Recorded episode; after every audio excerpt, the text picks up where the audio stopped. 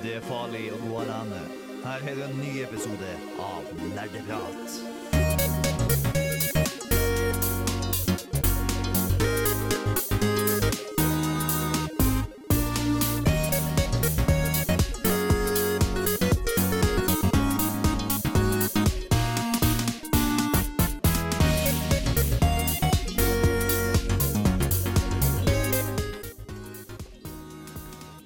Hei og velkommen tilbake til nok en ny episode med Nerdeprat. Vi er tilbake i studio nok en gang. Og denne gangen er det for å feire at det er jul. Ja, det stemmer. Vi er så glad i jul, og det er jul snart. Det er 23. desember, og vi skal feire og snakke om jul i videospill og ting som gir oss julefølelse i videospill, og alt som er. Mitt navn er Håkon, jeg er programleder. Eh, Med meg i studio så har vi Bård. Og nok en gang på teknikk. Tai! Samme gamle gjengen. Eh, Vi er imponert av deg, Tai. Du er veldig flink. Takk, takk. Ehm, vi bare hopper rett i det. Vi- skal samme prosedyre som alltid. Starte med hva vi har gjort siden sist. Eh, og det skal vi snakke om etter vi har hørt eh, den festlige låten Festlige passende låten for denne sendingen her. Altså Xmas av Filthy Burger Girl.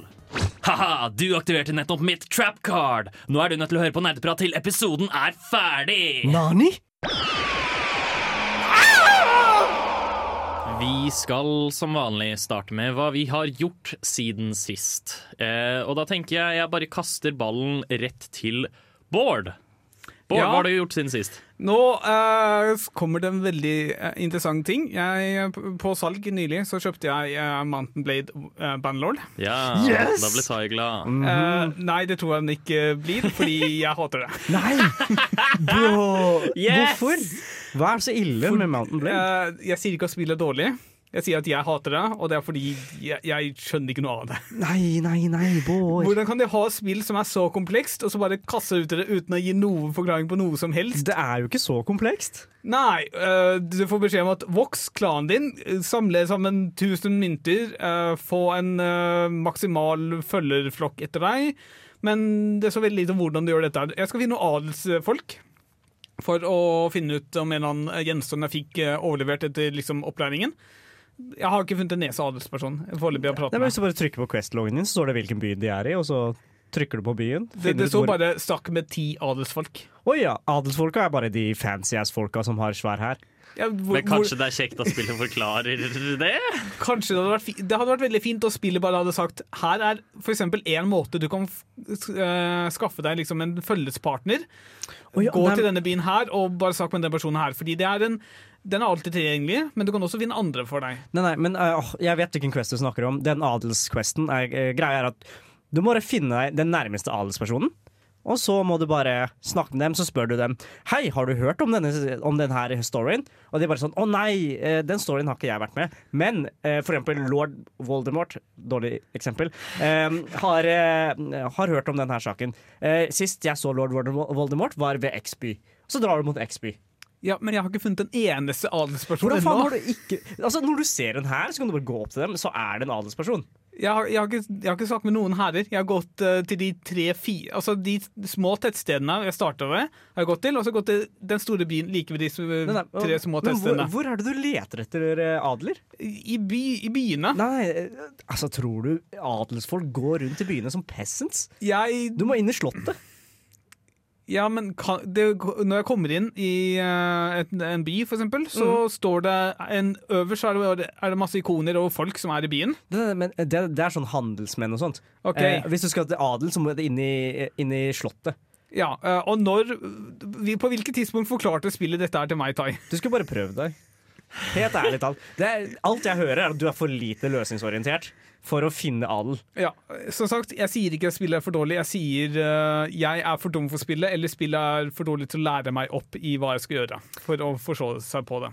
Jeg skjønte det ganske lett selv, og jeg var åtte år da jeg spilte for første gang. Så jeg vil bare Smak og behag, Smak og tenker behag, jeg vi skal greit, konkludere greit, greit. på. Ja. Eh, jeg, jeg, blir, jeg, vil- jeg vil påpeke at jeg ikke blir så sinna når eh, Bård for eksempel i chatten snakker om hvor mye han hater den ene bossen i Metroid Dread. Ja, men eh, du Eller, hvor mye, eller, eller, eller for øvrig hvor mye han hater alle fiendene i spillet, eller hvor mye han hater for eksempel ting jeg likte veldig godt i Deathloop og sånne ting. Men- det, det er, man må være Ja, men. Håkon, i motsetning til deg så liker jeg sånn fem hele spill, så det er sånn jeg, jeg, har- jeg, jeg, jeg må stille meg liksom, jeg, jeg må stand my ground. Ja. Det kan være hende jeg avinstallerer det for å gi tid til noen andre ting, eller så gjør jeg det noen flere forsøk. Genuint Ja. såra. Har du spilt noe annet, da? Veldig kort. Veldig kort. Eh, Destiny har spilt, Zeralim har spilt, litt Mm. Chronicon. eh, veldig mye av gammelt ting foreløpig. Uh, Godfall har jeg også spilt litt mer av. Jeg er fortsatt veldig usikker på hva jeg skal gjøre videre med det. Skjønner. Radio Revolt. Vi fortsetter innsjekksrunden, og vi går videre til Tai. Til meg. Eh, du husker hele den samtalen jeg hadde med dere om at jeg har satt opp hele uka mi og fuckings gjort alt jeg kan for å spille Rust? Vi husker det. Ja. Oh, ja da, du. Du spilte Rust i to timer, droppa det og bytta til Warzone. ah, Gud. Vi Var ble, det så jævlig? vi ble så skiti på, ass. Fy faen. Jeg, jeg tror ikke jeg har blitt grusa så hardt i mitt liv.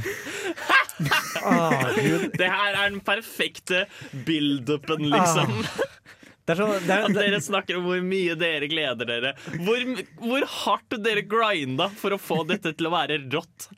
Og så bare Alt med en gang. Jeg kødder ikke, ass. Vi, vi, vi satte oss på en eh, veldig populær server i sånn tre timer. Brukte skikkelig lang tid på å sette en base. På den, de tre timene så tipper jeg jeg døde sånn 30 ganger. Um, og så doorcampa en nuboss med en fuckings bue. Han headshotta kompisen min med ren flaks, så vi rakk ikke å lukke døra. Så stjal han alt vi hadde eiendeler, og så vi, vi bare ga opp etter det. Altså. Og, og dette var etter du hadde brukt sånn to timer på å skaffe masse plantegninger og sånt. Ja, så Ja. vi hadde satt opp alt, og så Ingen av vennene våre kunne allikevel, så det var bare oss. Og vi hadde bygd en svær base som krevde masse ressurser. ikke sant? Um, så det, det var bare dødskjedelig å spille, og da droppa vi det og bytta til Warzone. Um, Har du hatt noe hell i Warzone, da? ja, fy faen, ass. Vi kom oss til fjerdeplass. Uh, og så uh, med to random ass folk. Eh, men det gikk egentlig kjempebra. Eh, Ja, Warzone har fått en nytt map nå også, har det ikke? Jo, eh, Vanguard heter det nye greia. Vanguard-våpen er så kjedelig å bruke. Ja, men det, er- det er sånn 80-tallsvåpen. ikke sant? Ja, det skal, skal det ikke være andre, andre verdenskrig, da? Jeg vet da faen, men det er sånn derre Det er såpass gamle og shit våpen at du hater liv mens du bruker Ja. dem. Jeg syns mappet, liksom Pacific-mappet ser veldig Det er fargerikt og koselig. Ja, det er fargerikt og koselig, men jeg likte bare mer sjarmen som Verdansk hadde. Ja, det skjønner jeg. Ja, så, men vi kom til fjerdeplass. Um, vi tapte siste fight fordi jeg var litt overaggressiv. Men i mitt forsvar, jeg drepte to personer før jeg ble downa. Resten av teamet greide, tapte en 3v2, så jeg bare lar den ligge der. Jeg skal ikke si noe der. Uh, men ja, det var mest min skyld. Jeg skulle venta på de. Da hadde vi vunnet. Men ja. Uh, hva med deg, Håkon? Uh, jeg har ikke spilt veldig mye siden sist. Um, har faktisk jobbet litt. Eh, og vært litt syk. Ikke korona. Em, men eh, jeg har startet på ett spill fordi jeg tenkte liksom sånn ah, Jeg trenger noe koselig eh, for å varme opp, på en måte, og koble meg helt av og bare liksom ja, ha det fint, da. Så jeg har starta på Slime Rancher. jeg visste det. Jeg skulle til å spørre. Har du starta Hvor- hvordan er det? Slime Rancher er eh, det var, jeg, jeg starta det uh, uten å egentlig liksom helt skjønne Fordi spillet forklarer deg egentlig veldig lite. Ja, det forklarer stemmer. deg basicsene. eh, altså at du, du må ha eh, slimesa dine inni sånn uh, coops, Ja. eller hva man skal si. Innhegninger. Ja, innhegninger. Takk. Um, og, og, og det er typ det den forklarer deg. Og så forklarer den deg at der, ved å gi dem mat, så gir de deg ting som gir deg penger. Ja, de Um, bæsjer ut krystaller som du ja. selger på det store globale markedet. Ja. Uh, og, det, og det er så å si det eneste de forklarer deg. Eh, så, så jeg husker jo at det, umiddelbart i starten så samla jeg en hær av slimes som jeg alle kastet i innhegninga, før jeg innså at det, blir jo bare kaotisk, fordi de, de blir sinna om de ikke får mat, og da hopper de ut av denne innhegningen.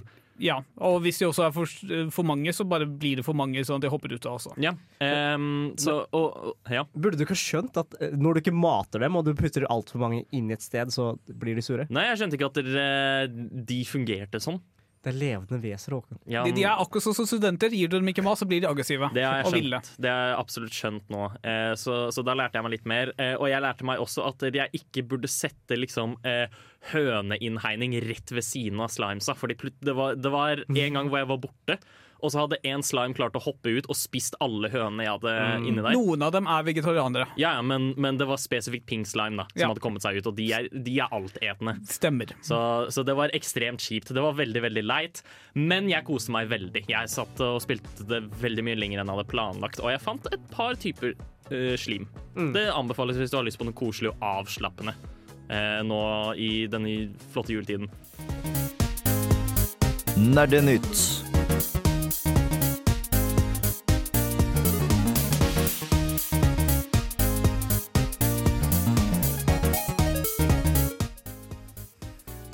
Skal ta litt nyheter her på Nerdeprat, som vi vanligvis gjør. Det har ikke skjedd veldig mye, men eh, det er noen ting som er verdt å merke seg likevel. ikke sant, Bård? Eh, det stemmer. Eh, Stalker 2 har vel hatt litt kontroverser i det siste. For de som ikke vet, Stalker er en uh, serie med overlevelsesspill. Ganske realistisk, ganske litt RPG-aktig. Og nå kommer det da visstnok en oppfølger som jeg ikke helt hadde fått med meg før dette dukket opp. Og da var det, startet liksom en annonsering. Ja, vi skal ha NFT-greier i den. Oh, no. jeg husker ikke helt hva spesifikt som skulle være NFT i det, men sikkert noe sånn Ja. NFT, more like no fucking thanks. Oi, Ja. er vi der? Nei, altså, jeg, er, jeg er veldig stor fan av krypto og kryptogaming, men jeg føler bare at hvis du slenger inn NFTs i spillet ditt bare for å slenge inn NFTs i spillet ditt, så bruker du liksom Du bruker utviklerressurser Ja. på feil ting. Så uh, visstnok så står det her eh, at den får uh, NFT, inkludert en som lar deg bli metamenneske. Hva nå det betyr. Det er bare en eh, overskrift. Fordi det som det, det er ikke så veldig interessant. Det som er interessant, er at dagen etterpå så skrev det en oppklaring på Twitter. Mm. Og en halvtime tror jeg etter den oppklaringen så kom det en ny tweet som bare var Nei, vi dropper NFT. Det, sånn. Men hvor, mye vedder dere på, på sånn investormøte om en måned? Eller sånn, sånn, uh, spillverden var ikke klar for vår visjon av NFT i dataspill. Jeg tror bare at de kanskje brukte NFT som et liksom for å tiltrekke seg investorer, men Ja. så har de funnet ut bare etter alle Uh, de negative kommentarene som kommer, så har de bare gått fra Det det. er fordi det jeg ikke skjønner, hva, hva skulle liksom greia med NFT i Stalker 2 så være? Ok, La meg åpne artikkelen, så kan jeg gi deg en kort beskrivelse. Ja. Fordi jeg, jeg, jeg klarer ikke å forestille meg hvordan det, hvordan det fungerer. Men jeg, jeg kan se for meg det i for eksempel i WoW. Hvis du har, liksom har, eh, hvis du har eh, litt Jeg husker ikke hva den heter. Ja, det er en MMO når det er markedtyp. ja, da gir det jo mening. Ja, Når det er man- mellom flere folk, ikke sant? men Ja. når- hvis det er et singleplayerspill. Er Stalker et singelplayerspill? Uh, det tror jeg. Eh, I hvert fall det som står her. Eh, de hadde annonsert at eh, Stalker Metaverse ville bruke blockchain-teknologi for å la spillmiljøet eie en, del av Stalker 2. Som inkluderer muligheten å bli første noensinne metamenneske. Sånn det ikke står What the fuck er et metamenneske? Og ja, uh, en ikke-spillerkarakter uh, rendret i veldig høy detalj. Ah, ok. Så du, du kan liksom Å, så du kan eie en del av Stalker 2 Med å være Ja. ved å, at du eier en av NPC-karakterene. For eksempel. Ja, skjønner. Det er, eh, det er, jeg forstår ikke helt vitsen med det, men eh, det er vel en ting, I guess. Det er sikkert noen som er gira. Så hvis Ja. du ser på sånne der, um, early backers til Nei, dataspill. du kunne bli en NPC og ved å kjøpe den på en auksjon, og du kunne også selge den videre Mm. til andre frem til en viss dato hvor det da sikkert måtte bli implementert. Da er spørsmålet eh, Gjør de er, er det som uh, alle de apene på Twitter, uh, hvor du bare du får bare en NPC, og så er det sånn Nei, det her er din NPC. Uh, Kanskje, kanskje, man, Eller- kan skanne, kanskje man kan bli skannet inn eller noe sånt, jeg Ja. vet ikke. Men uansett, de har i hvert fall gått bort fra dette her, takk og lov. Og det ga egentlig ikke så veldig mye mening hvorfor de skulle ha NFT for dette her. nei. Har du en ny til? Ja, det har jeg. Uh, IGN hadde en veldig stor artikkel om Bungie for uh, kanskje Altså når denne sendingen går på lufta, så vil det være en stund siden. Men i hvert fall uh, De snakket litt om dårlige arbeidsforhold, sånn som lignende Activision Blizzard. Mm. Eh, jeg har ikke lest artikkelen så veldig i detalj selv. Bungie har eh, likevel kommentert på den og sagt at de har eh, gjort mye for å forbedre seg, men eh, eh, ikke har kommet helt i mål ennå. Jeg føler det er så mye spill, sånne arbeidsskandaler i spillverdenen for tida. Ja, det er det, og det er heller ikke så veldig rart, i og med at det har vært en ganske mannsdominert bransje og ganske lukkede miljøer. Det er ikke så mange som har hatt innsyn nødvendigvis i spillselskapene. På, altså, I hvert fall like god innsyn, så det er ikke så veldig rart at det her kommer veldig brått på veldig mange. Så jeg, jeg har ikke lest nok til å faktisk vite hva status er, annet enn at nå står det også at HR-lederen har uh, forlatt selskapet. Om det er fordi de, den personen er skyldig i noe av dette, eller bare fordi de ville ha et selskap som ikke hadde like mye problemer, det vet jeg ikke. Men forhåpentligvis så blir det bedre. De har i hvert fall sagt at de skal streve, gjøre sitt beste for å bli bedre framover. Vi får håpe det, ja. At det, var, det virker som det håndterer situasjonen i hvert fall bedre enn Activision Blizzard, fordi de håndterte situasjonen veldig, veldig dårlig. Ja, herregud. herregud. Ikke snakk om det engang. Dette er DJ MacLeod Banks. Du hører på Nerdeprat. God gaming. God gaming, og i hvert fall når det er jul. Vi skal starte på den kjære temadelen, og det er at det er jul. Det er jul. Det er rett og Det er faktisk jul. Hvem skulle trodd at julen er her? Allerede, liksom. Etter eh, Ja, det, ja, det er én ting. Det har gått fort. Um, Altså, mens noen programmer hadde julespesial type midten av november, så kommer vi altså her og har, har julesending lille julaften. ja, nettopp. Ingen, ingen andre nerdeprat, vet du. Den, De eneste som faktisk eh, vet når julen er, Ja. er poenget. Det, og det er 24. desember, altså i morgen. Jeg har allerede røpa at vi har spilling på forhånd. Ja. Eh, Men uansett, eh, vi, vi skal ha en liten eh, det, dette skal, det er viktig å skildre dette fra vintersendingen vår. Mm. vintersendingen vår handlet om snø og is og alt som kan være her. Her skal det handle om rett og slett jul og julestemning og alt som er. Ja.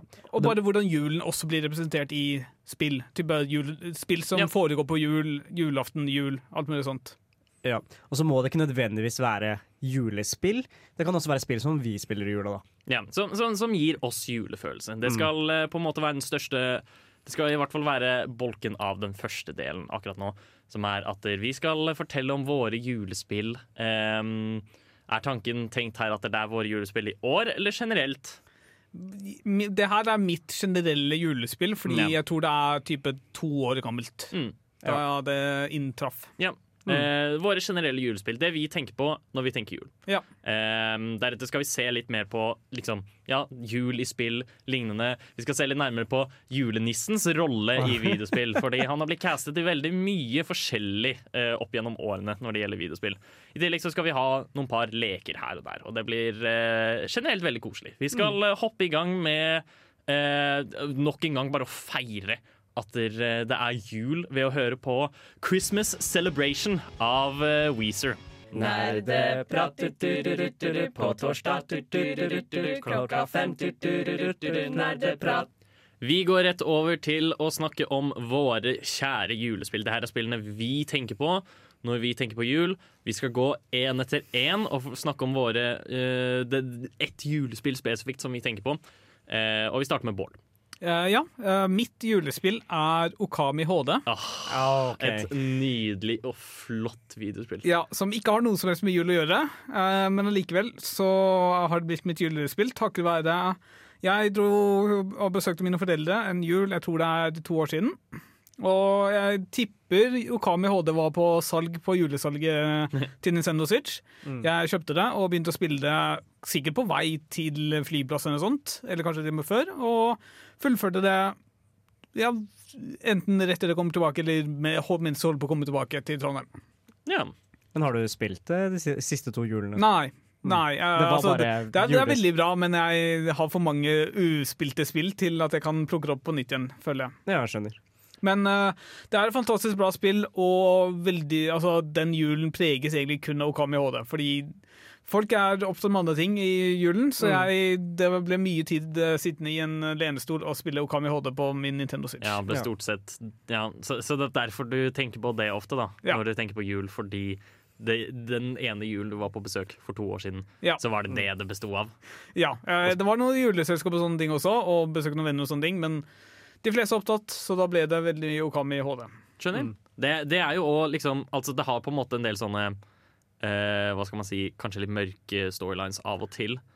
Eh, men i stor grad så er det veldig light-hearted og koselig spill Ja, også. og det er det også. Det er, det er helt fantastisk å spille spesielt på Nintendo Switch, fordi du har en touchskjerm som gjør at den maledelen av spillet For de som ikke vet hva spillet angår, det er en veldig Zelda-lignende spill hvor du spiller en hund eller ulv eller noe sånt. Du spiller eh, solguden Amaterasu, som er eh, i form av en ulv. ja.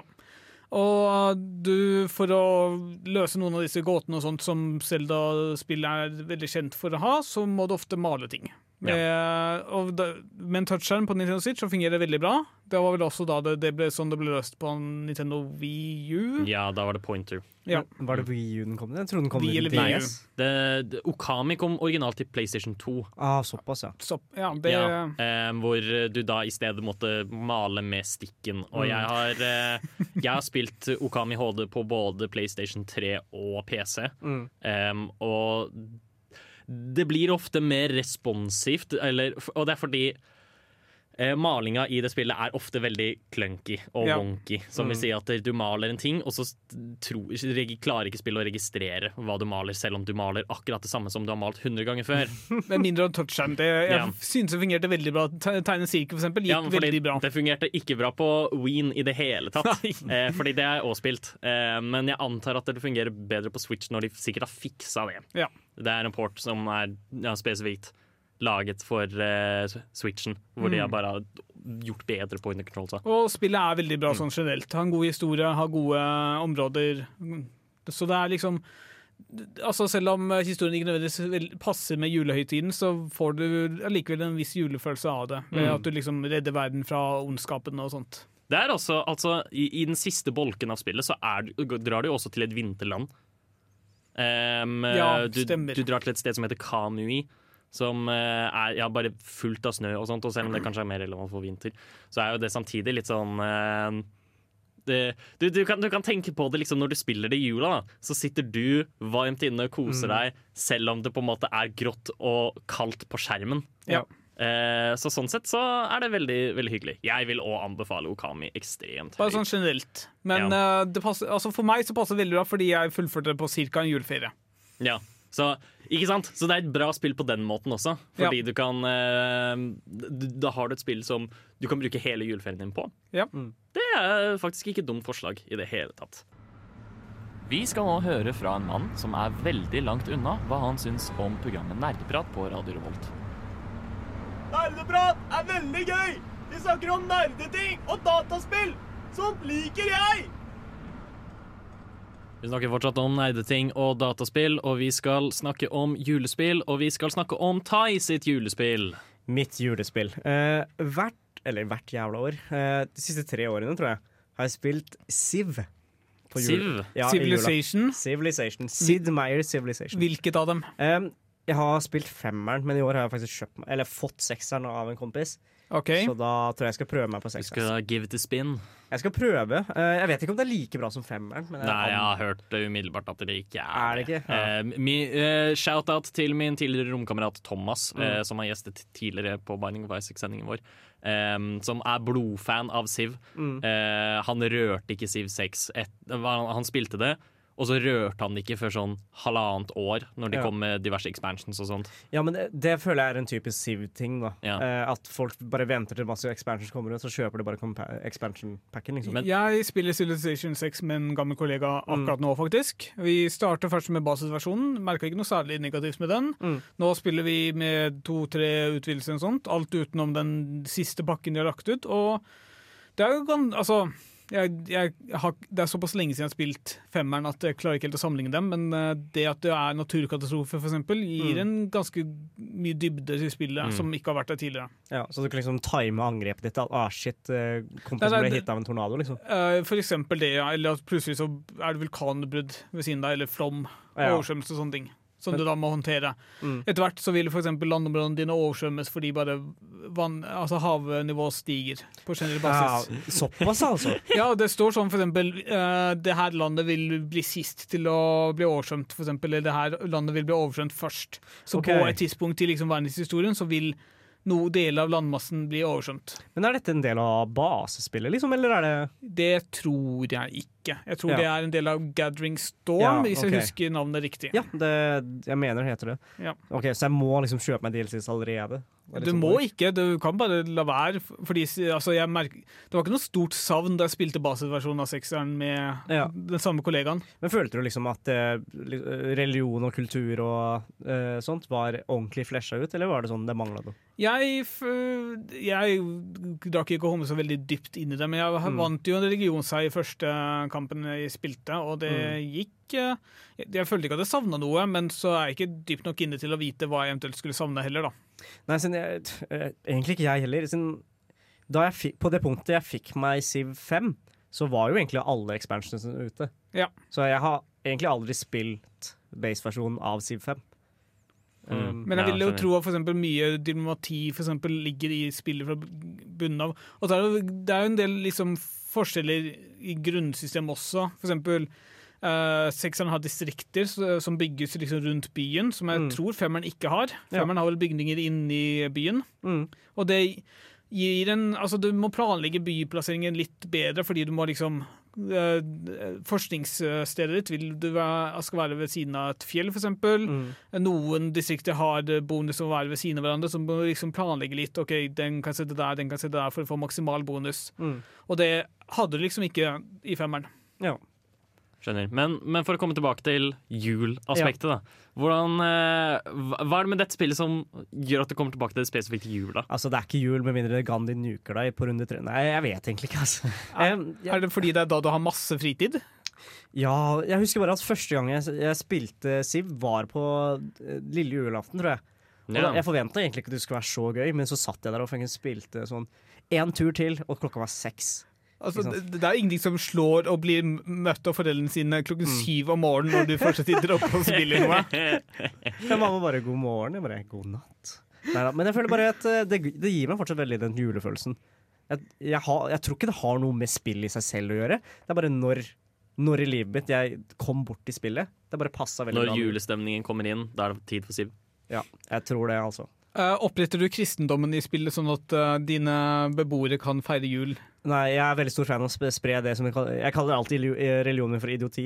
Ja. Så jeg sprer idioti over verden. Men, men jeg syns at denne gangen her skal du spre kristendommen, sånn faktisk... at dine kjære folk også kan få lov til å feire jul. Det skal alle få lov til. ja, greit. Så- så- Om, om, om du spør meg personlig, da, så tenker jeg at det hadde vært hyggeligst. Jeg kan Eh, jo spre nerdeprat i verden også. det, hmm, Det, det kan godtas under tvil. Ja, go godtas under du, tvil. kan, jeg kan kalle det kristen nerdeprat og spre det så langt jeg greier.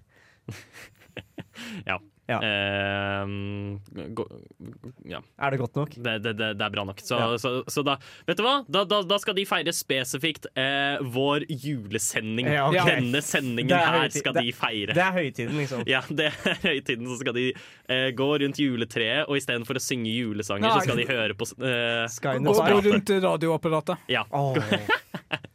Åh, Gud. det er helt perfekt. Mm. Um, Nydelig. Hva har fire bein om dagen og seks bein om natta? jeg vet ikke, men uh, hør på Radio Revolt. Radio Revolt. Du hører på Radio Revolt, og Nerdeprat snakker om jul og julespill. Og ditt julespill. Og mitt julespill. Vi skal snakke om mitt julespill nå. Um, det er ikke spill jeg skal snakke om, men jeg vil gi en liten uh, Jeg vil bare først fortelle om en veldig gøy juleopplevelse jeg hadde, jeg tror det var i fjor. Ok. Um, som var at jeg spilte uh, Risk of Rain 2. Det var første gang jeg spilte Risk of Rain. Mm. Uh, med mine lektorvenner Andreas og Magnus. Mm. Eh, Shout-out til dem. Eh, veldig hyggelige karer. Jeg tror du shout-out av hele kollektivet ditt på dette punktet. Eh, og vi, vi, vi bare Altså, vi spilte jo bare vanlig, og da var det sånn derre ehm, Og så kom vi etter hvert til eh, punktet hvor eh, de, de prøvde så godt de kunne å lære meg det, og det var veldig hyggelig, og det var liksom mørkt på kvelden, og det var litt sånn koselig, mens vi bare satt og hørte på liksom spansk musikk. Mm. Eh, og så kom vi til eh, det stedet hvor du låser opp uh, Runolds og Chars Mm. bånd. Ja. Og, og, og så bare stopper de to andre ved inngangen, og så sier Mm. Andreas det her, det her er Håkon sin test. Oi. og, og, så, og så bare sto de der og var sånn Nei, du må ta de to alene. Det her er din test. Er det den derre secreten på eh, På Eh, ja, Ja. på Ørkenbanen. mm, mm. Hvor, eh, og, og, og da bare eh, lot de meg ta den alene. Um, og, og, og, så, og så satt de Og de håpet jo åpenbart på at jeg skulle dø og Ja. tape, fordi det Mm. hadde vært sykt funny. Ja. Um, jeg, jeg klarte det jo. Fuck you. Jeg, jeg døde. det, jeg feila den testen. Heldigvis så gikk det ganske greit. Eh, men det var eh, det, akkurat det var bare liksom et veldig veldig minneverdig øyeblikk fra en juleferie for meg. Mm.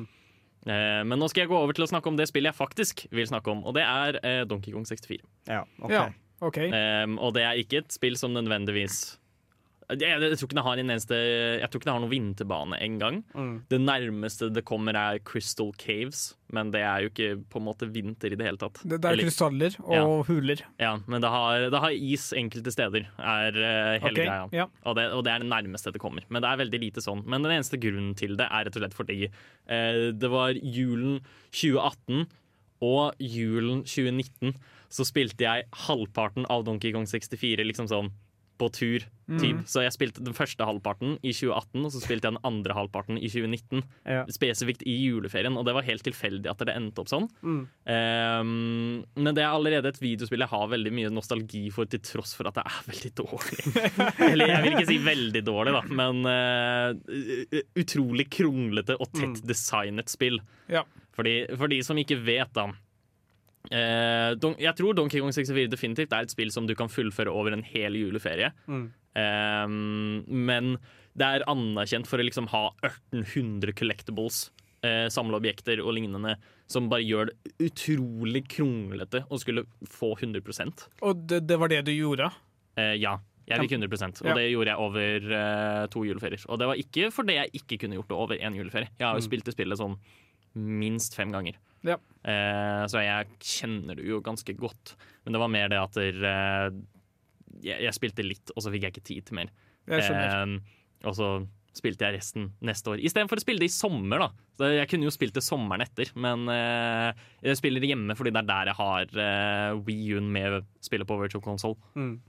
Hva er det som driver en mann til å samle 1800 collectibles? Det er eh, i hovedsak, eh, og det er kanskje den største grunnen til at jeg liker det så godt som på en måte koselig eh, julespill, er rett og slett fordi um, jeg, når når jeg er hjemme, så pleier jeg som regel å tilbringe tid med min søster. Mm. Uh, fordi det er da hun òg er hjemme. Hun er ikke hjemme i hele sommer fordi hun jobber. Ja. Uh, mens når, hun, når det er jul, så er det juleferie. Og da er Donkey Kong 64 et perfekt spill uh, å spille typ i bakgrunn. Rett og slett fordi det er Altså, du må løpe og samle masse ting, men det er ikke veldig intenst. Jeg skjønner. Ja, som vi sier at det, er- Pluss det har veldig fin bak, Det har veldig flott musikk. Mm. Eh, Ada, søsteren min, er også veldig nostalgisk til den musikken. Mm. Eh, så det på en måte Det blir en fin sånn bakgrunnsting for oss å bare sitte og prate og henge likevel. Har du vurdert å bytte spillet med Tropical Freeze? Eh, nei. Nei, det har, Nei. Vi, det har vi ikke like stor nostalgi for. Så man får ikke den samme hjemmefølelsen. Men det er jo mer vinter. Hæ? det er- Ja, det er mer vinter, ja, men uh, man, man får ikke den samme hjemmefølelsen av det. OK, jeg skjønner. Ja, Uh, hvis det gir mening. Jeg vil, her òg hadde jeg en opplevelse som jeg også syntes var gøy. Og det var ikke nødvendigvis Eller det, det, det kan jo være julerelatert, da. Og det var rett og slett at vi satt og så på Flåklypa. Mm. Um, og oh. typ Ada hun er ikke så glad i Flåklypa, Mm. så hun ble lei eh, rundt den tida hvor eh, han apen kommer på skjermen. um, og, og, og så, så da Så da var det sånn der, OK, vet du, jeg gidder ikke å se på det her. Og det, og det var jo typ akkurat når apen kom på skjermen. Da var jeg sånn, ja, da går jeg opp og spiller Donkey Kong. Så kom det en ny ape på skjermen. Ja. Jeg bare synes det var Du, du, må, du må finne riktig type ape for deg. Ja, nettopp. Det, var bare, det, var, det var artig sammentreff. ass. Men, eh, men, jeg, men jeg liker eh, Don Jeg liker Donkey Kong 64 veldig godt, til tross for uh, uh, dens feil. ja. Ja. Og den, til tross for dens problemer. Og den gir meg veldig sånn god hjemmefølelse. Og det er hjemmefølelse jeg ofte assosierer med jul. Ikke fuck med meg! Jeg har kraften til Gud og nerdepar på min side. Men hæ?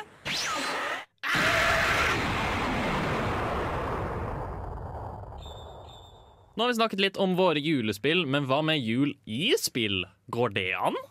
Eh, eh, Fordi vi- Gjør det egentlig det? Alle, alle spillene vi har snakket om nå, har det jo ikke vært jul involvert i spillene i det Nei. hele tatt. Ja. Ehm, rett og slett fordi Ja. Jeg, jeg, jeg føler ikke at jula er en sesong som ofte er brukt i spill. Nei. Det er mer en sånn juleevent, men det er veldig sjelden at spillet handler om jul. Det, ja, det, det, det er veldig sant. Ehm, vi skal komme litt inn på det senere, um, når vi snakker om julenissens rolle i videospill. Men Ehm, også juleevents i spill. Ja.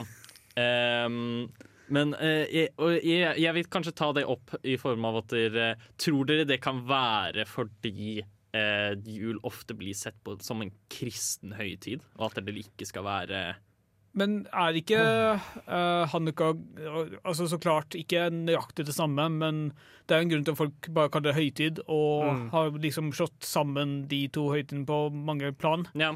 Det betyr jo at det er liksom en høytidsfeiring, og for mange i Vesten så vil jo det være med, med et juletre, uavhengig om du feirer liksom jul eller Hanukka eller andre ting. ja. Altså For min del, jeg er jo ikke kristen i det hele tatt, og familien vår er heller ikke kristen, men vi feirer jo jul. Det er mer en kulturell ting Ja, enn ja, en fordi det er det ting. jeg òg tenker, da. Mm. I utgangspunkt, men det kan hende Ja, men jeg vet også at i Østen har jo jul blitt en massiv greie. Jeg får masse julebilder fra Vietnam. Liksom. I Østen, ja, faktisk. Ja. Ja, så det er sånn Det er en stor greie, men hvorfor det ikke blir spill av det, er jeg litt usikker på. Mm. Jeg har ett spill som jeg kommer til å tenke på. Mm. Det, er ikke veld, det er ikke helt jul, men det er ganske jul. Mm. Og vi, vi snakket om det for sånn to sendinger siden. Mm. Det er vinterbanen i Banjo-Kazooie, hvor du har et juletre som du dekorerer. Pre-CC Peak. Eh, Flott nivå. Kanskje det beste av Ja, ja. 3D-plattformer jeg har spilt. Jepp. Um, det er i hvert fall det beste i Banjo Kazooie. Um, så nå, uh, er det jeg skulle til å si Mario Odyssey har også noe lignende her. Um, I uh, Snøkingdomet. Um, jeg, jeg husker ikke det.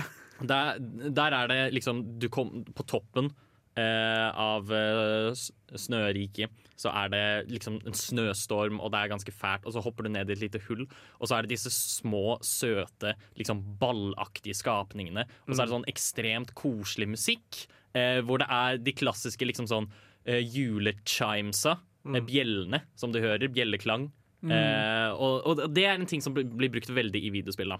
det føler jeg, framfor å bare liksom bruke um, At de, de får fram vinter-jul Altså jule-vinterstemningen framfor vinter-julestemningen, hvis du skjønner. Ja, ja. Eh, Snow Kingdom har for øvrig også eh, gombaer og sånn som går rundt med nissehatter. nissehatter.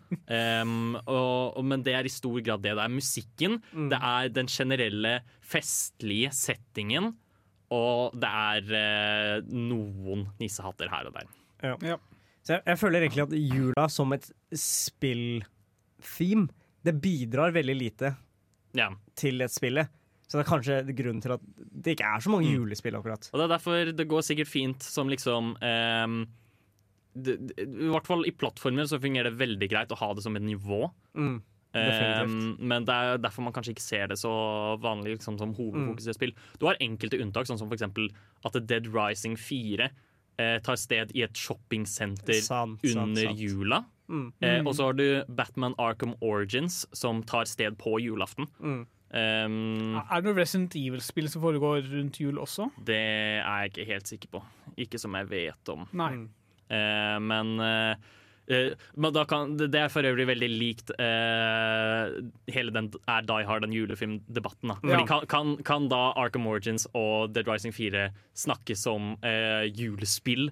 Dead Rising 4 kan nesten, fordi det, den bruker liksom juletematikken til humor ofte. Men Arkham Origins så er det nesten ikke synlig i det hele tatt, annet enn at det enkelte goons har på seg litt festlige klær av og til. Men er det en plottgrunn for at det foregår på julaften? Ikke som jeg vet om. Det er, som jeg det, husker, det, det er en utrolig merkelig dato å velge bare sånn helt tilfeldig. Uten noe grunn. Ja. Men er det den med The Riddler? Eh, nei, Arkham Origins er den med Black Mask nei, okay. og de åtte leiemorderne som skal drepe Batman. Da, Så klart. Mm. Så, ja, og det er, det, det, da, det er veldig merkelig. Det, det er liksom ingen tilsynelatende grunn til at de har valgt spesifikt denne datoen. Men de gjør det likevel av en eller annen grunn. Ja. Jeg vil ikke kalle det julespill. Men kanskje de hadde lyst til å Um, selge rundt jula? Hæ? Kanskje du hadde lyst til å selge spillet til juletida? Ja. Ja, men det har ingenting å si, tror jeg. Martin, gutten min, du må komme deg middag! Å, mamma! Jeg kan ikke sette på pause nå! Jeg er midt i en heftig episode av Nerdeprat! Vi går videre med å snakke generelt om spill som gir deg julefølelse. Vi har snakket om hvordan jul er i spill, og vi har snakket om noen av våre spill som gir oss julefølelse. Men om vi tar det på litt mer generell basis, hva er det med et spill som kanskje gir deg julefølelsen, da? Um, jeg, jeg vil gjerne ta opp det uh, Little Inferno. Uh, det, er sånn spill, det er sånn lite spill som egentlig handler bare om å brenne ting. Som høres veldig rart ut, men det er veldig koselig. Um, du har, du har egentlig Er det fyrstikk? Jeg husker ikke, jeg har ikke spilt den, jeg bare vet at det eksisterer. Jeg har plukka det nyere opp. Mm. Det er i hvert fall kjempegammelt og um, egentlig veldig sært spill. Men du bare putter forskjellige ting i en peis og brenner det. Og det er bare, av en eller annen grunn, det er noe med peisen eller ilden, eller om Det er rett og slett bare å brenne ting i, i, i en peis Ja. som gir meg veldig julefølelse. da. Men jeg, jeg støtter det. Altså, Peis generelt gir en utrolig julefølelse. Ja. Også, Ja, det er faktisk helt sant. Og så spill som har mye med vinter å gjøre, eller som, hvor det er mye snø. Selv om det handler om jul eller ikke, det gir meg automatisk julefølelse. Ja. Um, som da jeg spilte uh, The Long Dark, ingenting med jul å gjøre, men det ga meg veldig, veldig julefølelse. Veldig sånn eh, Motsatt julefølelse, kan jeg kalle det. Hvis du skjønner. Det, det, gir meg, det minner meg fortsatt om jul, men det er jul på en litt mer ensom måte, hvis, Ja. jeg, hvis du skjønner. Ja, fordi du, du oppsøkte vel varme og liksom temperatur og Ja. ly. Altså det å komme til en mørk hytte som er Mm. litt kald, og så varmer du den opp og sender i Ja, et eller og det, det er noe med den knitringa av bålet som Ja. minner meg veldig om jula. Mm. Mm. Em, jeg kan jo si for min egen del, da. Så kanskje det som absolutt mest avgjør om et spill gir meg julestemning, det er musikken. Ja. Eh, men, men det er også kanskje den letteste måten å gi deg julestemning på. Mm. Eh, rett og slett fordi eh, jeg nevnte Snow Kingdom i stad, som bare kaster på litt sånn bjelleklang, eh, klassiske der. Og, da, og, og umiddelbart da så er jeg sånn her Å, det her er koselig, veldig hyggelig sånn sett. Eh, om jeg kan nå trekke opp et annet spill da, som jeg, ikke- som jeg syns er bra. Ikke superbra, men bra. Kirby's Epic Yarn, om dere husker det? Nei. Eh, Det er det ene nisje-Kirby-spillet hvor han bare blir til garn, og så er hele verden garn. Du, du sa det, det, ene nisje-Kirby-spillet. Det, det, det er sånn du får nerdeprat til å reagere. Hva faen mener du med det ene nisje-Kirby-spillet? Jeg vet om ett Kirby-spill, cirka, og det er det nyeste. ja. Cirka. Eh, Men eh, Kirby's Epic Yarn da, eh, har i hvert fall eh, en eh, Hele greia da, det er utrolig sjarmerende fordi alt er garn, og du bruker liksom mye tid på typ Hva skal man si Å, hva heter det? Um, strikke ting sammen Og, ja. og lignende og sånne type ting. Men strikker du Kirby? Det, nei, nei, Kirby er bare strikka. Eh, han- Kirby er en liten ball med Garn. Garn, ja. Takk. Mm. Herregud, nå klarer jeg ikke å snakke. Men er det garnet strikka, eller strikker du med garn? Det er typ strikka. Det, det, det, det er mye lettere om dere ser det selv, faktisk. Eh, Mm. Poenget da er at der så er det også en svær sånn jule... eh, en, en svær vinterverden. Og det er vinter i hovedsak, eh, men det er liksom så utrolig flott og vinteraktig musikk, og det gir meg veldig julestemning. Gi, Mm. Gir meg veldig julestemning. I tillegg så er det et nivå i det juleverden som rett og slett er en varm hytte. Og det òg er jo liksom det, Akkurat det du snakket om med peis. Det gir veldig veldig julestemning umiddelbart. Ja. Mm. At det på en måte er hjemmekoselig. Jeg syns det er veldig rart at du liker julemusikk i spill. For jeg føler folk generelt er lei julemusikk på den tida jula kommer, da. Men det er Ja. greit hvis det er i spill. Ja, men det, er- det er altså Jeg, jeg syns ikke mm, man skal, man skal tenke på videospilljulemusikk videospill-julemusikk sammen med uh, pop-julemusikk, sånn som uh, All I Want for Christmas Is You av Mariah Carey, for eksempel. Fordi det er en helt annen variant, ikke sant? Mm. Uh, der, der skal det være sånn derre Det er en helt annen koselig, og så skal den være upbeat, og man skal bli glad på den måten. Mm. Mens eh, jeg føler videospill-julemusikk ofte er mer hjemmekoselig. Ja. Og det Ja, Det er forskjellig hensikt. Ja. Det fyller forskjellige roller. Ja. nettopp. Skjønner. Ja, jeg kom til å tenke på uh, Paper Mario. Uh, ikke Ja. veldig juleaktig, men de papirfigurene minner meg litt om julepynt. Vet du hva, jeg er helt enig. Mm. Det, det gir meg også litt sånn julefølelse. Bare sånn Sammenlignet med det type barn lager på barneskole eller barnehagen for å henge opp på treet. Ja. Det, det minner litt om sånn eh, Så klart, du henger kanskje ikke Mario på treet, men du lager ting av papir som du henger opp på treet. Henger Mario på treet høres så grotesk ut. Den var, den var koselig. Du lytter til Nerdeprat fra Radio Revolt. You're listening to Nerd Talk from Radio Revolt. Vi skal gå over til å snakke om diverse juleevents i videospill. Fordi av og til enkelte spill har faktisk tingen at det, det, skjer jul i spillet. Nærmest alle MMO-spill har en eller annen ting som skjer om julen. Mm, du kan nå se på bare generelt spill som har aktiv hva, hva skal man si? Utviklingsstøtte. Ja, ja, aktiv utviklingsstøtte. Som for eksempel om du ser på Overwatch eller League of Legends, Mm. så har de jo tendensen til å liksom eh, For eksempel League gjør jo kartet sitt til at det bare er fullt av snø, Mm. og gir Baron Nasher en liten julehatt. Det er så Ja. jævlig koselig. Ja, sånn type ting. Mens uh, World of Warcraft og Final Fantasy og Destiny gir for ut ting som kun kan fås i det, det, det året, og kanskje kan kjøpes senere for liksom penger. Ja. Og I Runescape sine tidlige dager så pleide de å gi ut uh, ting som man bare kunne få det ene eventet. Og det kunne trades. Og den dag i dag, ti år senere, så er dette de dyreste tingene i spillet. Men, men juleeventene i MMO-spillene, er Mm. det liksom ment til å være jul hvor man gir gaver og får gaver? Noen. Noen, uh, Final Fantasy sin i år, som jeg fullførte i dag, faktisk. Uh, der uh, kommer det plutselig en liten baby-yeti som du skal liksom Åh. uh, hjelpe å dele ut uh, gaver, fordi den baby-yetien er uh, kastet ut av familien sin. Den er veldig, ikke veldig skummel og sånne ting. Åh. Så du skal prøve å liksom gi den selvsikkerhet for å la den ja, være- følge den rundt og gi ut gaver og samle inn ingredienser for å lage snøballkjeks. Bræ, så jævlig søtt. Det Ja. er faktisk utrolig hyggelig. Uh, mens for World of Warcraft sin, som jeg gjorde i fjor, uh, da er det egentlig bare å, nissen er i uh, byen. En gang hver dag så kan du gå, de, gå et sted og drepe noen ting. Du kan snakke med Jeg nissen. trodde du skulle si drepe nissen. Nei, ikke drepe nissen. Du, du, du dreper noen gjetere sånn som har fanget noen ting, og så kan du gå til nissen og få liksom en daglig gave eller noe sånt, og så når julaften liksom har vært, så kan du åpne noen presanger under juletreet. Veldig ikke Veldig generisk og kjedelig, egentlig. Rollen til Yeti har eh, Det er, det er to spill Ja. som bruker Yetien på helt Ja. forskjellige måter. Ja.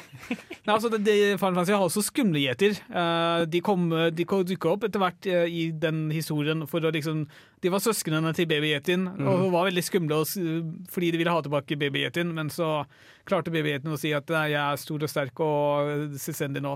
Så de, han ble med den eh, hjem igjen, men, og de var ikke så skumle da. Ok, Så den lille Yetien kom hjem. Ja, Det er stemmer. kjempesøtt. Jeg har lyst til å eh, snakke om eh, en annen klassiker eh, av et annet spill som òg har diverse årstidsfeiringer i spillet sitt. Fordi det skal jo være en type livssimulator, Animal Crossing, Ja. eh, som har den faste eh, gav... Eller lekedagen, Toy Day, eh, på julaften. Det starter desember, eh, hvor du får I hvert fall i New Horizon så tror jeg det er at du får type et oppdrag hver dag fram til jul. Eh, og på julaften så blir det sånn at du skal gi en gave til hver av innbyggerne dine, og så får du en gave tilbake. Eh, lekedagen. Og så er julenissen, da. eh, Altså julenissen i anførselstegn et reinsdyr i julefrakk. Mm. Det er ekstremt hyggelig, det også.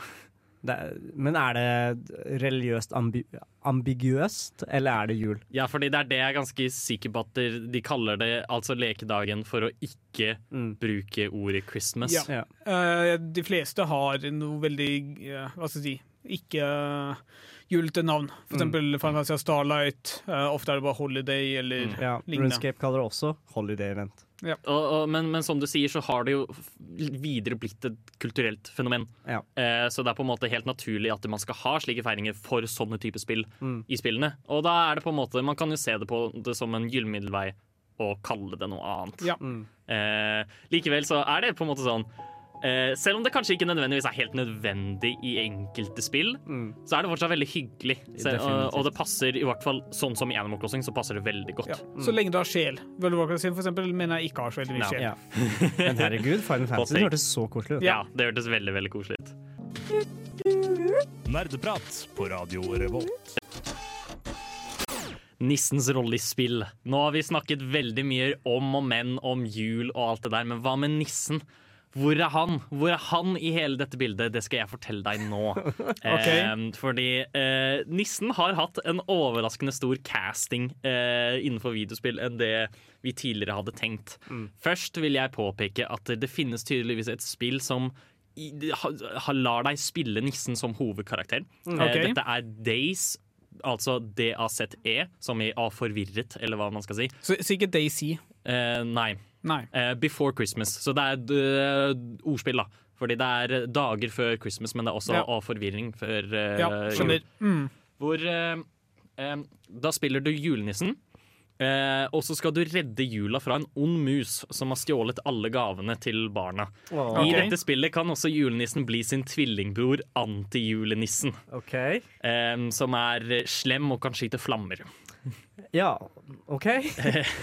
Dette minner litt om uh, Futurama og Santa Claus-filmene. Ja. Uh, ja. I, I Futurama er en veldig gøy vinkling på det, Ja. hvor eh, julenissen er ond, og alle gruer seg til jul. Eh, og så blir det på en måte en dobbeltbetydning der, fordi det fører alle nærmere. Fordi alle er så jævlig redde, og de føler seg tryggere med hverandre. Ja. Eh, utrolig bra. Eh, om vi kan gå litt videre, nå skal vi gå eh, et par år fram i tid, til Clayfighter 63. Dette var et utrolig quirky og rart slåssespill på Nintendo 64 hvor alle på en måte er modelleire karakterer. Og da er det én karakter som kalles Sumo-Santa. Så det er altså en sumobryter som er julenissen. OK. Og det er en av de spillbare karakterene, så du kan slåss som julenissen. Men med, er da Lauren at det er en sumobryter som har blitt til julenissen, eller at julenissen har blitt en Jeg sumobryter jeg, å jeg tror det er tenkt at det er en ond julenisse. Som eh, da, da må man nesten gå og spørre seg selv om eh, hva det vil si å være julenissen. Finnes Ja. det bare én julenisse, eller finnes det flere? Ja, sånn- type ting, ikke sant? Jeg, jeg må si jeg reagerer litt på at du sier én julenisse. Betyr det at det blir flere julenisser? Eh, det, det, er, det er det vi ikke vet. da vi må, det, det finnes forskjellige teorier der ute, Tai, men ja. jeg skal ikke anta at jeg, jeg vet. Jeg bare sier akkurat dette nå Ja, for du å klargjøre det. Du er her for å informere, og ikke for å Ja, nettopp. Ja. Eh, jeg nevnte også Dead Rising 4 Mm. eh, tidligere. hvor, Spiller man julenissen da? Eh, nei, man spiller ikke julenissen. Men du kan finne julenissen i det spillet, hvor han er en uh, boss. Ja, han er en boss. Ja, du, du slåss mot julenissen i det spillet. Okay. Hvor, uh, ja, du det, det er jo på dette jule... Det er på dette kjøpesenteret hvor Mm. det er på vei til å bli um, jul. Og da møter du han, og han er sånn her Nei, nå skal jeg drepe deg. Så da må du drepe han. Altså, Dead Rising er et spill som absolutt ikke tar seg selv seriøst. Nei. Så, så, det, det er jo helt sykt! Det er, det, er, ja, det er veldig merkelig. For øvrig så er det også et annet spill som har eh, julenissen som en boss. Og det er Jeg husker ikke hva den heter, men det er en expansion i Duke Nukem. Eh, den verste av dem. Eh, hvor eh, du løper gjennom et nivå som på en måte er preget av festligheter. Eh, og så kommer du deg til slutten hvor du liksom finner en weapon cash. Eh, og så hører du julenissen si sånn Ho, ho, ho, jeg ser at du har stjålet alle mine våpen. Nå må du dø. og så slåss du mot han i en episk jetpack-kamp. Ja, Og når, du, og når du endelig dreper han, så står det til slutt Å, du Knukum har reddet julen. så klart. Ja. Veldig Die Hard-vibber, det her. Veldig, veldig Nukem dark. blir bare rarere og rarere. Du Duke Nukem er flott. Mm. Eh, det siste eksempelet jeg har, det, det finnes enda flere, liksom. Eh, men, men jeg vil fremheve noen av de. Og det er liksom med klassisk koselighet, og det er fra Saints Row 4. Mm. Hvor det er eh, en utvidelse som heter How the Saints eh, Rescued Christmas. Åh. Som handler rett og slett om at der, eh, de spillbare karakterene og The Saints, Mm. eh, titulære gangstergjengen, skal redde julen ved å redde julenissen. Ja. han er kidnappet. Så sinnssykt koselig. Ja. Vi, Så- vi, vi kan jo ikke heller glemme alle de rollene hvor, eh, som jule, altså kjøpesenternisse. For eksempel Mm. i Dark Side Detective så har du en sak hvor du er på kjøpesenter hvor det er en nisse der. Ikke sant? Som er en sånn, eh, hva det heter, sånn lite nissehus og hvor barn sitter på fanget og Ja. sier hva de ønsker seg og sånne ting. Sånn sett så har også, eh, om dere husker det gamle Rockstar-spillet Bully, eh, Ja. som er basically GTA, Mm, men, for, mm, mm. men man er kid Ja. på en eh, ungdomsskole eller hva det er, så er det også der en eh, sånn kjøpesenter-nisse, hvor eh, Men han er sånn Sånn som du ser på kanskje en uh, amerikansk sitcom, hvor Mm. han er sånn der ekstremt scruffy, sigger mens han sitter der og bare er fyllik. Mm. Uh, en de har henta fra gata for å gi han penger, liksom. Ja. Eh, Julenissen i dataspill minner meg litt om Nicholas Cage. Han, han kan spille alt, liksom. ja. Han dekker, han dekker alt. Han hele er, spekteret. han, han- han, han er det, det er vilt hva julenissen får til, altså. Mm. Han, altså. Ikke bare er han overalt og leverer gave til alle, men han, han er også en utrolig flink skuespiller. Ja, definitivt. Ja, det, det, det skal han virkelig ha. Ja, faen, du hører så jævlig på nerdeprat. Altså, det games, og det prates, og det nerdes, og det er litt.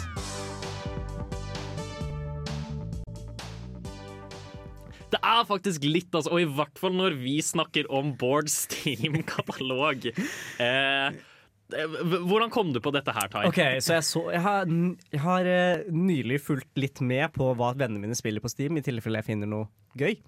Så jeg så at Bård spilte Siralim Ja. um, på kvelden. Så jeg bare sånn, jeg lurer egentlig på hva Bård har spilt mest av. Så gikk jeg på lista hans og sjekka uh, spill han har full, uh, fullført. da Så 100% Steam Achievements. Så finner jeg faktisk Nedley G. Ja, stemmer. Som, som er et sexspill. Det er en visuell roman Det er eh, et om sexspill. Um, så han, har- han har fullført The Room 1-4 og Nedley G. ja, Og Sherlock Holmes The Devil's Daughter tror jeg også lå der. Ja, det, det lå også der.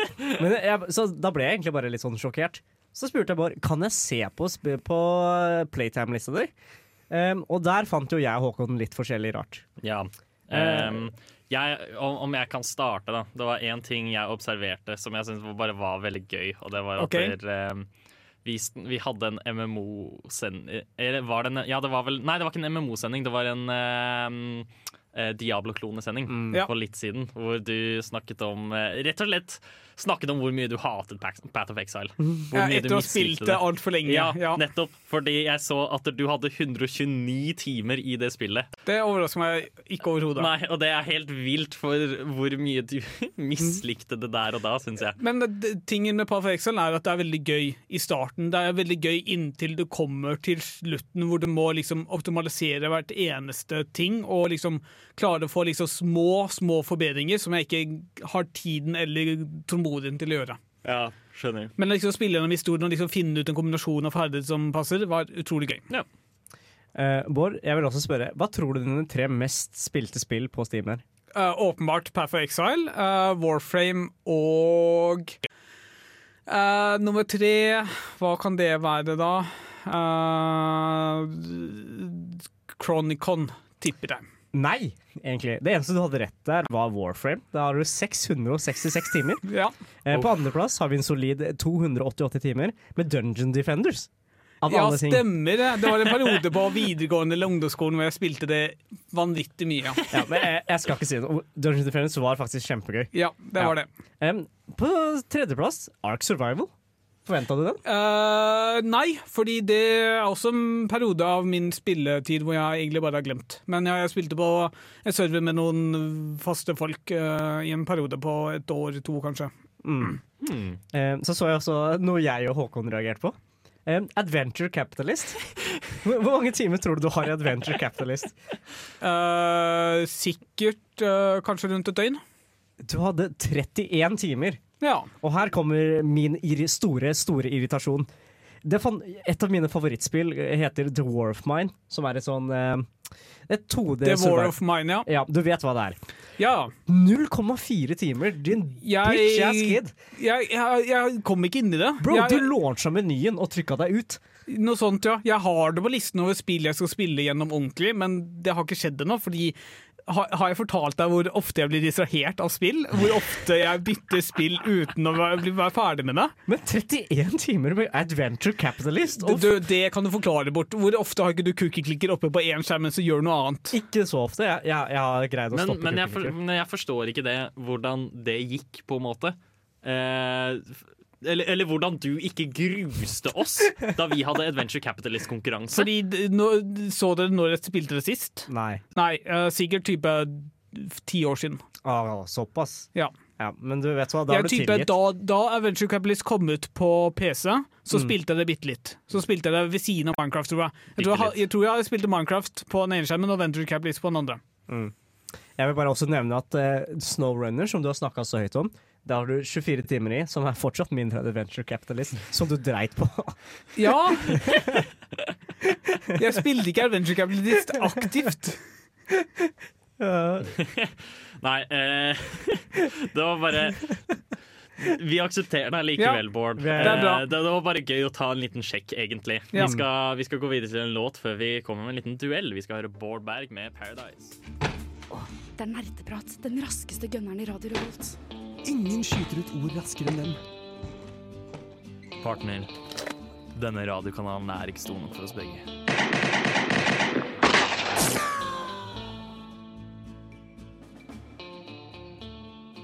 Det er på tide med en liten duell. Dette er en liten koseting vi har lagt på på slutten, hvor eh, For å forklare det kort, da. Tai skal spille av et par lydeffekter, og så skal Mhm. jeg og Bård prøve å gjette hva det kommer fra. Ja.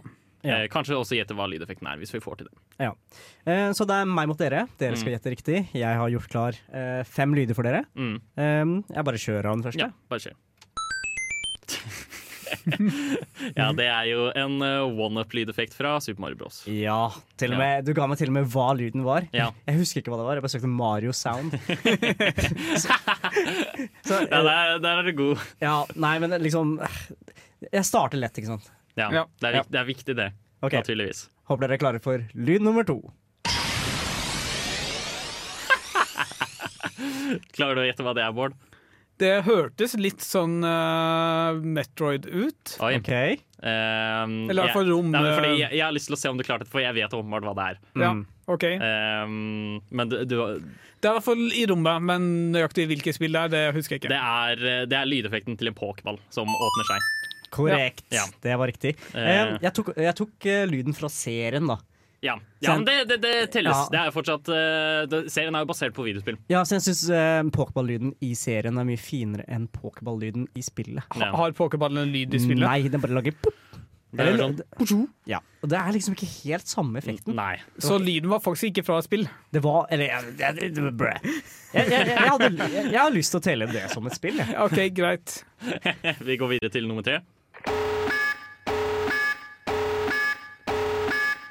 Ja. Hvor er det fra, da? Hmm. Hvor er det fra? Klarer du, klarer du den, Bård? Jeg husker ikke. Det høres utrolig kjent ut. Jeg vil bare si at jeg starta med å si til dere at de tre første er Ja, freebies. ja, jeg vet hva det er. Ja, det er ikke vanskelig lyder. Dette her er ehm, det, dette her var jo et internett-meme eh, ganske god stund. Ja, det er, det er jo altså Tactical Nuke Incoming fra Modern Warfare 2. Korrekt. Mm. Uh, ja. Jeg savner egentlig litt den lyden. Jeg, jeg, jeg, jeg greide aldri å skape den lyden selv, men når jeg spilte med den lyden, så bare sånn ja, det, er, det, det er en følelse som bare drar opp noe med nostalgi i meg. Ja. Liksom. Ja, jeg vet faktisk ikke om jeg noensinne opplevde det. Jeg spilte aldri det spillet så mye. Spilte du ikke COD? Jeg, spil, jeg spilte det jo, men jeg tror ikke jeg spilte så mye. At du fikk oppleve en Tactical Nuke. Ja. Jeg, prøvde, jeg føler jeg opplevde for mange tactical Ja. nukes. Føler. Bare litt sånn throwback til eh, den tida. Så dere den videoen med fastest nuke, eh, fastest nuke in the world? Hvor, hvor en dude, det var en dude på noob, noobtube som bare sto der og fuckings skøyt Han, han spawn-killa alle sammen hver jævla gang, og så fikk han en nuke på sånn ni minutter. Ikke ni minutter engang. Tre minutter. Det var sjukt, altså. Nei, jeg så ikke det. Det er, hei, ja, det er, det er kult. Dette er en periode av er internett dere virkelig gikk glipp av. Det var en nydelig video. Vi skal se om vi finner den en annen gang. Ja. Mm. Nå skal vi ta lydeffekt fire. Jeg fyrer av neste. Nå begynner, eh, begynner det å bli litt vanskelig, så Ja. bare vær klar over den. Hvor er det fra? OK, vennlig, kan du ta den en gang til? Det, det, hører, altså, det, er- det er ikke mitt svar, men det høres litt ut som uh, Counter-Strike. Det, å, det er faktisk mulig. Um, det, er, det er jo i hvert fall en pumpeshotgun. Men altså, OK, ikke nødvendigvis fra Counter-Strike, men fra et av spillene, eller modene til Halo. Ja, kan Nei, ikke Halo Half-Life, så Men, klart. ja Uh, hmm, jeg, jeg føler det òg kan være typ sånn Det kan sikkert òg være Left for Dead, liksom. Ja. Ja, men det er jo samme Ting er at Jeg føler at lydene er nesten de samme, fordi de, er, de, bruker går, samme motor. De går veldig i ett. Ja. Faen, gutta! OK, men eh, greit. Eh, jeg godtar Vet du hva? Gi meg et svar, så skal jeg se om jeg godtar det. Å, herregud. Men kan vi ha hvert vårt svar? Dere kan ha hvert deres svar. Da sier jeg Left for Dead. Da sier jeg Half-Life eller CE, som er en mod av Half-Life. Eh, den var til deg, Håkon. Ja, det var ikke Left 4 Dead.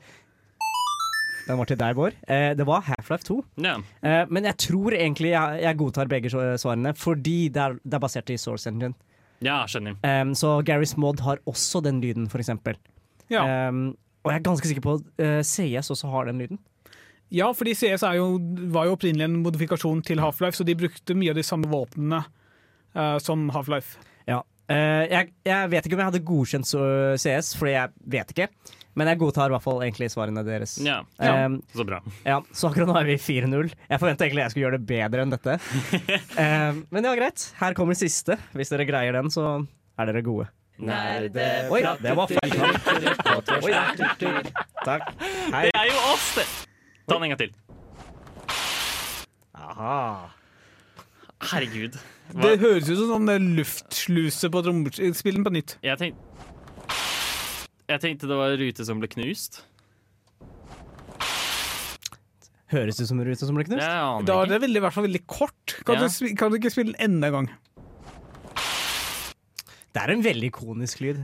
for- Overraskende nok så er det det. Fordi det høres litt ut som at liksom, en gass slipper ut av et eller annet, type en drakt eller noe sånt. Men jeg Um, klarer ikke å, jeg klarer ikke å skjønne hvilket spill det skulle være i så fall. Har du lyst på et hint? Ja. Gjerne. Håkon har spilt dette spillet her for ikke så lenge siden. For ikke så lenge siden. Mm. Hva Veldig du, nylig. hva har du spilt i det siste, Håkon? Å, jeg aner ikke. Nei. Um, Det er, det er for at, jeg, kan, jeg, vet du hva, jeg slenger dere enda en. Det er, et, det er fra et ikonisk våpen i spillet. Er det fra Doom eller noe sånt? Nei. Håkon har ikke spilt Doom nylig. Hmm, er dette Er det, er det fra Subnautica? Mm, det tror jeg Har ikke. man våpen i Subnautica? Nei, kanskje ikke. Nå, å, herregud, jeg aner jo ikke hva jeg har spilt. Men jeg trenger et svar, gutta. Nei, eh, ja, jeg har ingenting, altså. Jeg ikke heller. Ok, uh, Det er fra Halo. Det er Energy Sworden, til, ja. eller Energy Blade, i Halo. Åh, selvsagt. Ja, nettopp. Det var um, Jeg syns i hvert fall det var ikonisk. Ja, fordi altså eh, Ja, der, der må det sies at selve våpenet er mer ikonisk enn lyden. Det- Eh, fordi det ja. har jeg aldri Den har jeg aldri tatt, til tross for eh, hvor mye jeg har spilt Halo Multiplayer. Mm. Um, men eh, det, var, det var en gøy en, en gøy utfordring likevel. Man Ja. kunne tatt den hvis man hadde vært skarp nok på øynene, Mm. tror jeg. Hei, det er Kyragavla Kygo Nei, bare kødda. Det er Thomas Seltzer. 30 år eldre enn Kygo. Og du hører på Radio Revolt. Det stemmer, du hører på Radio Volt og du hører på Nerdprat, men ikke så veldig mye lenger. Vi er dessverre ferdig for i dag. Vi har snakket om jul, feiret jul, Mm. eh, snakket om ting som gir oss julestemning, og hatt litt konkurranse i tillegg. Mm. Det har vært veldig koselig. Er vi ferdig for året, Håkon? Vi, eller Nei, vi er jo fortsatt ikke det. Um, eller dere er fortsatt ikke det, kan jeg vel si. Um, det kan hende dere hører fra meg neste uke, men jeg skal i utgangspunktet dra hjem. Men gutta her blir her og skal ha nyttårssending. Det blir eh, også veldig veldig festlig. Det kan hende dere hører fra meg i form av en liten eh, lydsak. Mm. Så den burde dere glede dere til. Da blir det snakk om hva man ser fram til, og kanskje noen nyttårsforsett man har, og lignende. Eh, gled dere til det. Nå skal vi gjøre Køber med Aldri ikke gassed. Ha det bra. Ha det. Du har lyttet til en podkast på Radio Revolt, studentradioen i Trondheim. Sjekk ut flere programmer på radiorevolt.no.